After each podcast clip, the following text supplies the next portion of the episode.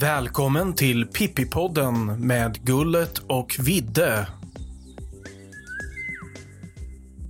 Ja, välkomna till Pippipoddens nionde avsnitt. Se på tusan, nio gånger har vi varit i etern. Och nu är det ju vår på allvar, Gullet. Nu är det vår på allvar, Vidde. Nu börjar det dra in spovar och det kommer traner och det är inte klokt vad skrattmåsarna börjar bli bruna i huvudena. Och låter gör de också, som bara den. Skrattmåsen är god och glad, den har doppat huvudet i choklad. Ja, och råkarna de eh, kraxar och står i också och bygger bon både här och där.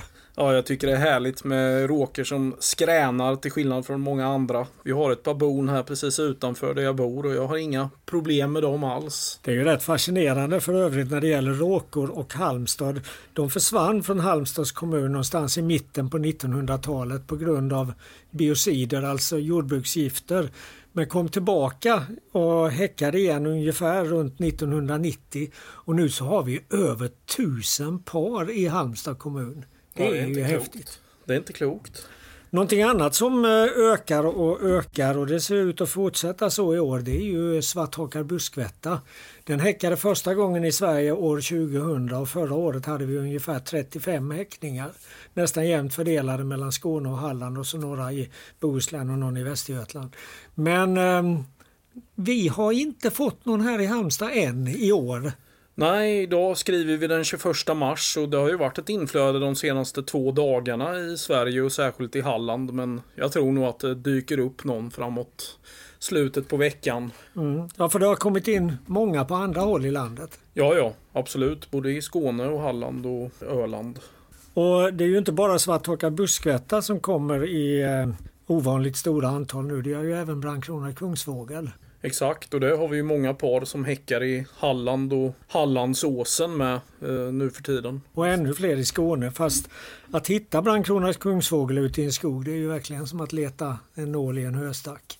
Verkligen, man hade väl gjort någon beräkning på det där hur många par brandkronad kan häcka på Hallandsåsen eller liknande eller hur var det? Ja det var väl, man räknade väl med ungefär 5000 par i Skåne utifrån ett par vindkraftsinventeringar som Rickard Ottvall och Aron Edman hade gjort.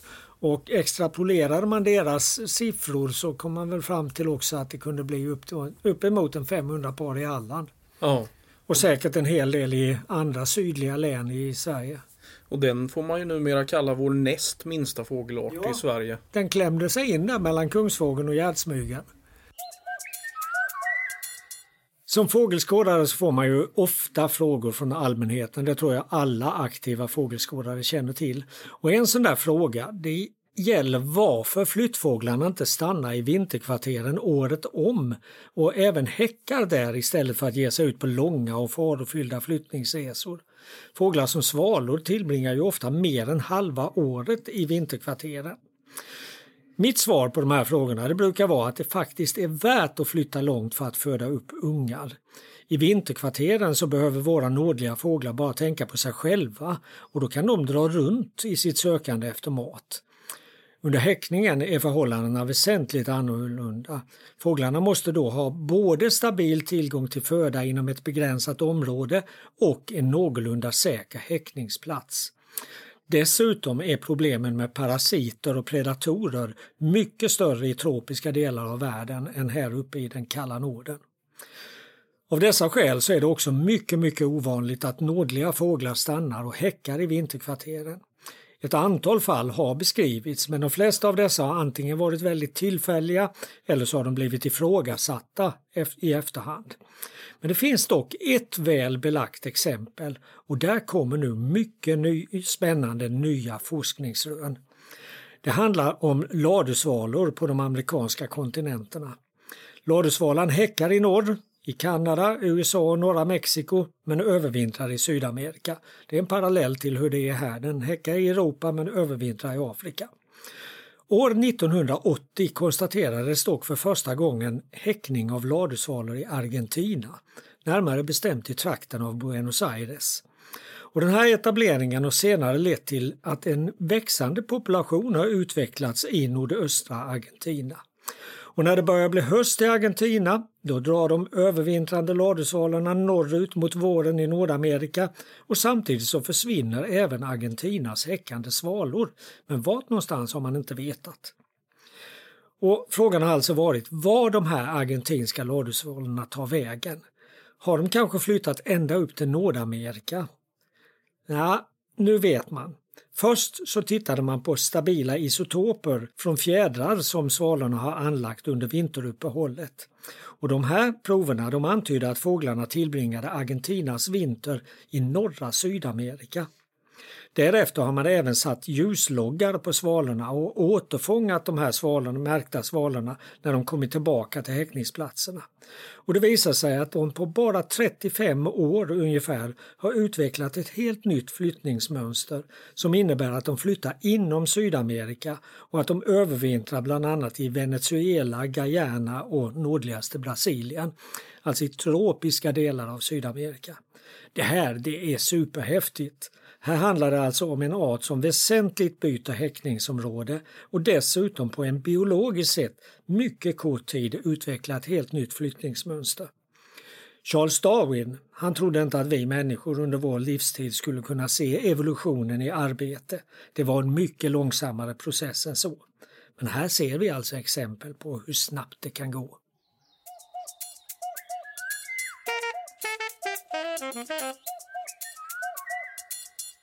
Ni som lyssnar regelbundet på Pippi-podden har kanske vant er vid att vi ofta får storfrämmande i vår studio.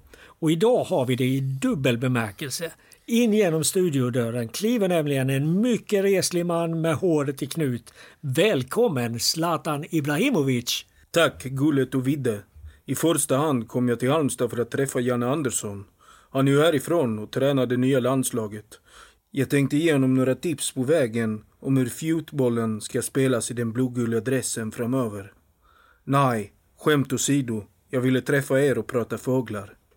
Ja, det är ju verkligen en prima överraskning att få besök av dig i Pippi-podden. Kanske är det ändå inte så konstigt för precis som du säger, det ryktas att du har blivit fågelskådare. I alla fall lite i smyg, stämmer det? Absolut. Jag har hört att det finns en sparvuggla här Ikväll måste ni fixa den till mig. Mourinho ska med. Han kör på Marslistan. Ja, vi är ju ganska många här i landet som är både fotbolls och fågelintresserade. Och jag måste säga att jag har ställt mig lite undrande till varför du har bytt klubb så ofta. Från Sverige bara av till Holland och sen till Italien. Därefter till Spanien innan det blev Italien igen och så Frankrike och nu England. Varför detta ideliga klubb och landsbyte? Hemligheten är fåglar. Det är svårt att kombinera fotboll och fåglar när man vill se så många arter som möjligt. Försök själv. Jag kör ju landslistor, årslistor och månadslistor. Det är inte lätt. Tomtlistan är desto lättare. Jag har tolkat reglerna som att jag får köra på samma lista från alla mina tomter.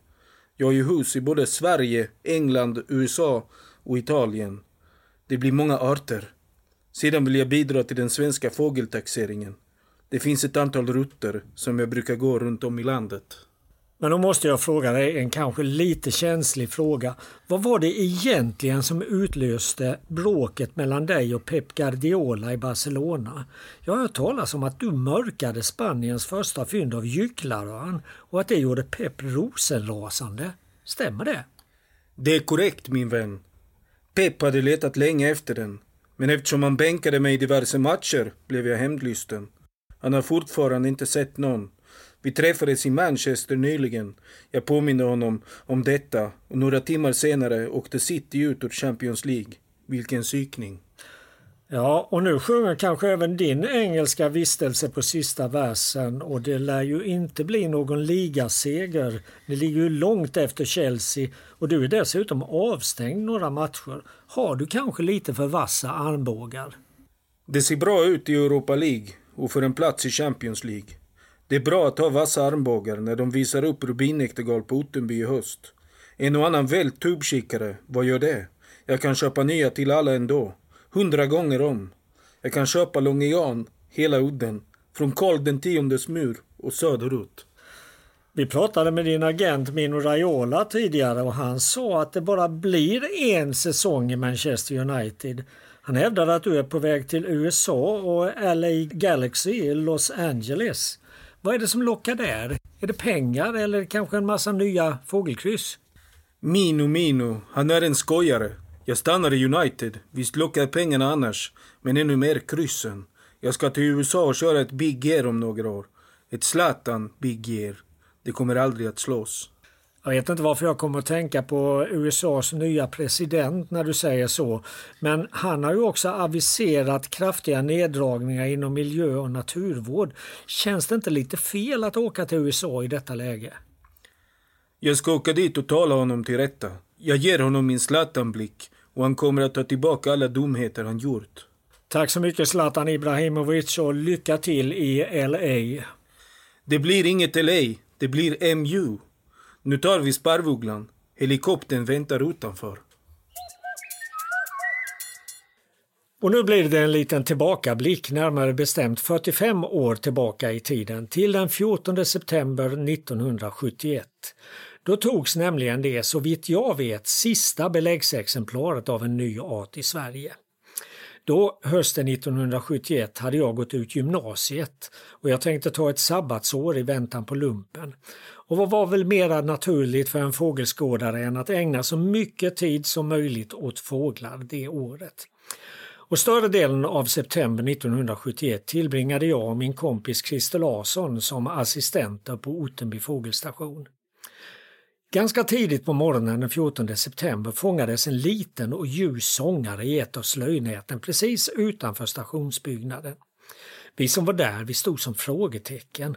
Den var nämligen lite grann som en kameleont den här lilla fågeln. Ena stunden såg den ut som en filoskopus, alltså en lövsångarsläkting, för att nästa mera påminna om en Acrocephalus, alltså en rör eller kärrsångarsläkting.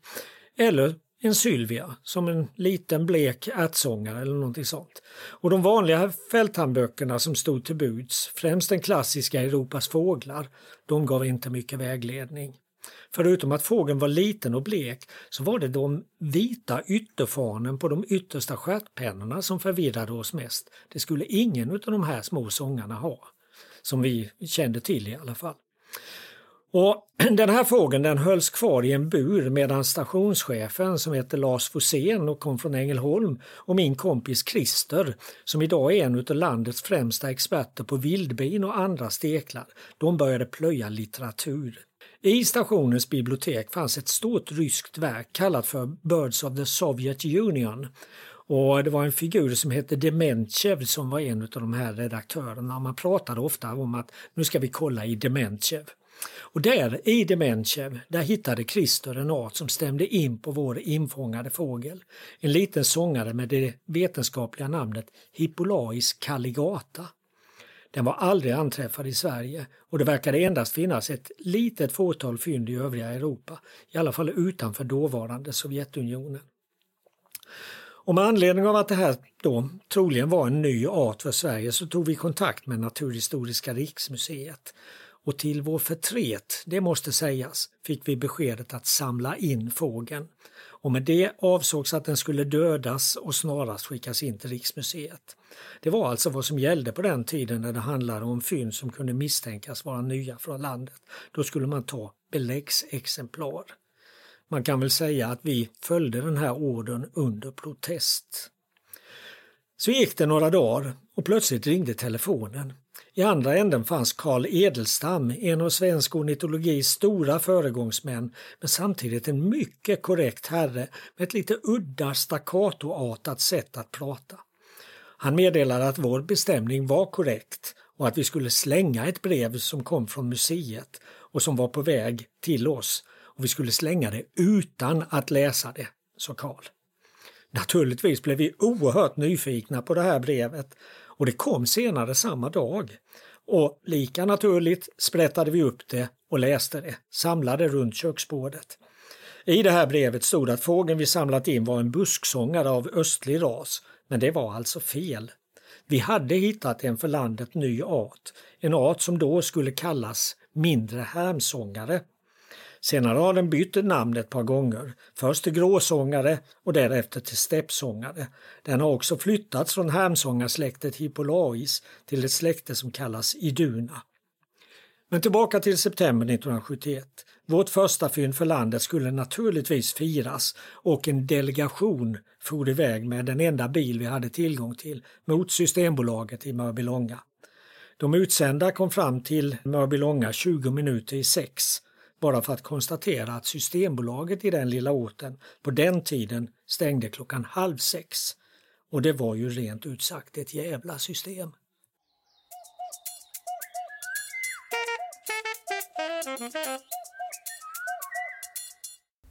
Ja, I veckan som gick så höll jag ett eh, föredrag i vår lokala ornitologiska förening, Halmstads ornitologiska förening. Och som vanligt sedan många, många år så fick jag som tack en ask praliner. Och Gullet, du är också rätt förtjust i praliner har jag förstått. Våren då jag fick smak för pralin. Hösten 2003 började jag plugga biologi i Halmstad. Det var spännande att flytta till västkusten från Hultsfred i Smålands inland med allt vad det innebär. Dock var det lite typiskt att det var just det året som min morfar gick bort i maj, mormor i juli och farfar i september. Det var inte alltid helt lätt att plugga då, med alla minnen från dem. Fågelskådningen blev som en slags terapi för mig. Jag tog varje ledigt tillfälle att komma ut och titta på fåglar. Det var svårt att hitta en studentlägenhet i Halmstad. Jag sökte på alla möjliga sidor och fann till slut en familj i Tylösand som hade ett rum i ett garage. I rummet fanns ett par spisplattor, en kyl med frysfack, en dusch och till och med golvvärme. Havet var bara ett stenkast bort. Det var en bit in till högskolan förstås. Men vad mer kunde man begära? Så fort det blåste vindar från västsektorn under den första hösten i Tylösand var jag ute och såg havsfåglar komma in från Atlanten. Magnifika havssulor, gråliror som svepte förbi i dynamisk bågflykt och stormfåglar som gled likt projektiler över vågornas kammar och skum. Jag tänkte att mina far och morföräldrar nog hade tyckt om att bli saltstänkta vid Västerhavets strand och skådade vidare med ett leende på läpparna. Vintern kom och det blev tyst i turistparadiset Tylösand. Det var lite tyngre att bo där ute vid den tiden på året. Men det var ändå vackert. Tylön och dess röda fyr var en vacker syn i snöfall. Många dagar var grå. Det såg ut som om havet gick ihop med himlen och blev till ett och samma element. Snart skulle min första västkustvår komma.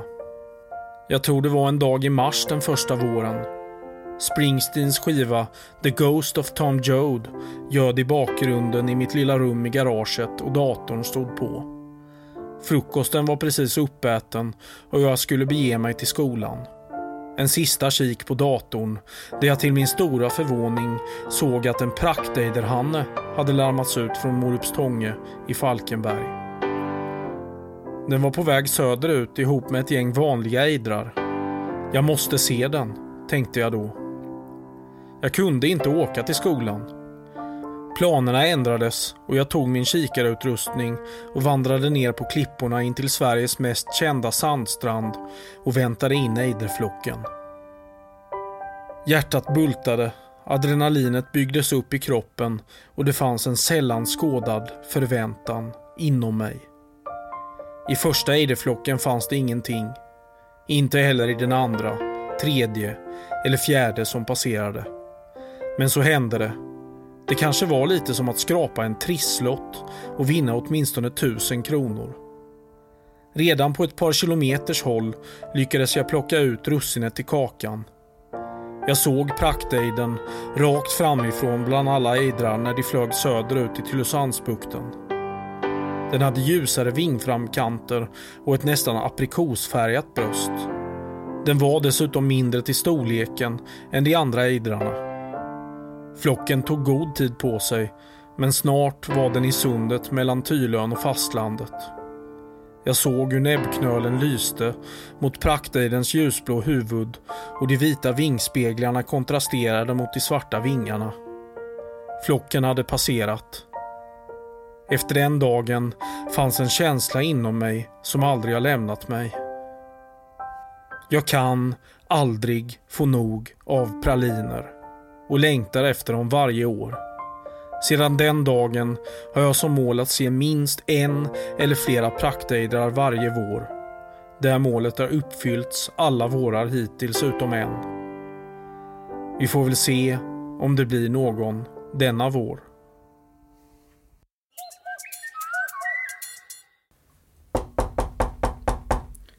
Nu knackar det på studiodörren igen. Och så är det ju Falkenberg han som gör oss den äran på nytt. Ni som lyssnade på den allra första Pippi-podden, ni kommer kanske ihåg honom. Välkommen in! Tack ska ni ha, Gullet och Vidde. Våren är kommen med skärfläckor, krokusar och spelande orrar. Vi tänkte att vi skulle prata lite microbirding med dig. Eh, för er lyssnare som kanske inte känner till det här begreppet så kan vi berätta att microbirding är detsamma som att skåda fågel inom en viss kommuns gränser. Och du lämnar inte så gärna Falkenberg. Man kan säga så här va. När jag ser Varbergsskylten så vänder jag. Och när jag ser Halmstadskylten så vänder jag. Jag vill se mina fåglar i Falkenberg. Det ger en alldeles särskild känsla i kroppen och hjärtat bultar på så gott. Jag såg en härfågel på Trönningestranden i Halmstad. Det kändes inget särskilt alls. Men när jag sedan såg en i Ringsegård, då var det som om jag befann mig i himmelriket. Ja, jag såg en gång en bil som gjorde en U-sväng på E6, alltså på motorvägen vid Susedalens café. Var det kanske du som gjorde det? Där går ju gränsen mellan Falkenbergs och Halmstads kommuner. Ja, ja, det var jag. Det flög en flock med mindre sångsvanar över fälten där och jag ville ha in dem i Falkenbergs kommun. Sen att polisen kom en annan historia. Jag fick i alla fall se dem. Men varför är det så viktigt att enbart hålla sig inom hemkommunen? Det kan väl vara trevligt att vidga sina vyer? I Falkenberg har vi kusten, våtmarker och skogen. Här kan du se en tjäder, mindre lira och en taigasångare en septemberdag om det vill sig väl. Det är mitt svar på din fråga. Men visst har det blivit en och annan resa genom åren för att vidga mina vyer. Men det finns inget som slår en havsfågeldag vid Glommen eller en flock med vadare i Korshamnsviken. Jag är redan i paradiset. Fastän i norr gränsar ju Falkenberg till Varbergs kommun och där finns ju en av landets allra bästa fågellokaler, nämligen Jätterön. Åker du inte dit heller? Jag har köpt min kikarutrustning där. Men det finns ingen anledning för mig att åka dit annars. Vad skulle det vara? Betande grågäss som sedan ersätts med betande vitkindade gäss. Det är Falkenbergs kommun som gäller. Är du lika kommuntrogen även när det gäller andra val här i livet, till exempel när det gäller mat och dryck? Det får jag väl ändå säga. Jag vill gärna ha sjötunga som är fiskad i Kattegatt utanför Falkenberg. Den är väldans god. Men sedan får jag medge att den godaste entrecoten jag ätit kom från Ecuador. När det kommer till dryck är det förstås Falcon som gäller. Jag brukar köpa öl istället för bröd med argumentet att öl är lika med bröd. Det är ju ganska tajt i toppen på den här kommunlistan i Falkenbergs kommun. Alldeles särskilt om man ser till totallistan, det som ni har sett under alla år sammantaget. Fem skådare har sett mellan 312 och 315 arter. Nu vill jag att du ska vara ärlig. Är ni vänner, ni som ligger där i toppen, eller tittar ni snett på varann? Jag kan väl säga så här att gråter gör jag ju inte om någon varit bortrest och missar en art som jag ser. Eller om någon inte riktigt hinner i tid innan fågeln försvinner. Då brukar jag säga, det var ju tråkigt att den försvann. Med en ledsen blick och en klapp på axeln. Men inombords kan jag lova dig att känslorna svallar i njutningsfulla drag och det firas med en dubbel whisky när jag kommer hem. Tack ska du ha för den här gången. Är det kanske någonting du vill tillägga? Ja, Ser ni något i Falkenberg? Det första ni gör, ring mig så kommer jag på direkten och avgör om det går att ta dit fler skadade eller inte. Det finns många känsliga platser, särskilt ut med kustbandet. Tack för mig!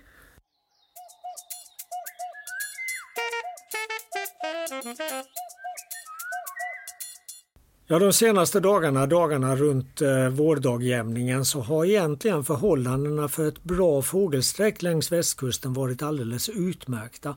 Ganska klart väder och ganska frisk västlig vind. Det är sådana tillfällen som det tidigare i alla fall har dragit igång ett bra ejdersträck. Men av ejdersträcket har vi inte sett mycket. Nej, vart är de ejdrarna? Man eh, längtar ju alltid efter dem i slutet på mars och en bit in i april men i år verkar det ju inte bli några. Ja, jag såg på Artportalen att de i alla fall hade haft någon dag med 10 000 ejdrar nere vid eh, Sandhammaren och Kåseberga i södra Skåne och någon annan dag var det visst över 20 000. Men det är där det, det är inte här på västkusten. Här på västkusten idag så var det väl eh, drygt 90 ejdrar som sträckte söderut under 6,5 timmes eh, koll vid Glommen tror jag. Så det var en väldigt dålig summa. Ja, det ser verkligen dystert ut alltså. Om, om det nu ska fortsätta så här resten av våren. Ejdersträcket brukar ju kulminera nu i slutet av mars och de första dagarna i april. Och om det fortsätter så här resten av tiden så ja, då, då kan man ju nästan säga att ejdrarna har tagit slut. Verkligen. Man har ju tittat på hon och hanfördelning nu. Det har vi ju vi också gjort på västkusten. Men på Hyllekrog så har man ju sett att det bara är 30% honor ungefär i flockarna. Och det är ju tydligen så att livet är mycket tuffare för honorna och eh, om de inte hittar tillräckligt med mat under eh, vintern för då måste de äta upp sig inför häckningen så blir de väldigt känsliga och eh, kan drabbas av diverse åkommor. Till exempel är det ganska vanligt att de drabbas av olika parasiter. Och sen blir de väl förmodligen också lättare att ta för en havsörn skulle jag tänka mig. Ja, och en mink inte minst. Mm. Ja, vi får väl hoppas att det kommer några ejdrar till slut i alla fall i vettiga antal. Ja, för det är ju något av det härligaste man kan uppleva så här på våren. Speciellt när det är en dag med pålandsvind och ejdarna kommer alldeles längs med kustlinjen. Det är verkligen, verkligen härligt. Och sen kanske leta fram ett russin i kakan som sagt, en pralin i flockarna. Ja, en pralin, ett guld. Kärt barn har många namn. Vad, vad, vad är det egentligen du helst vill kalla de här praktejdarna? Ja, det är nog pralinen då. Jag tycker det är ett härligt ord. Ni har lyssnat på Pippipoddens avsnitt 9. Vi hörs igen om en vecka och då ska vi förhoppningsvis ha kommit ännu längre in i våren. Zlatan, kan vi inte flyga med helikoptern till någon lämplig lokal i Falkenberg också så jag kan få in sparvuggla på årslistan? Pippipodden tar gärna emot tips på vad som kan vara med i programmet i framtiden. Skicka oss gärna ett mejl på pippipodden gmail.com. Redigering av Frida Nettelblatt. Pippipodden produceras med stöd från Studiefrämjandet.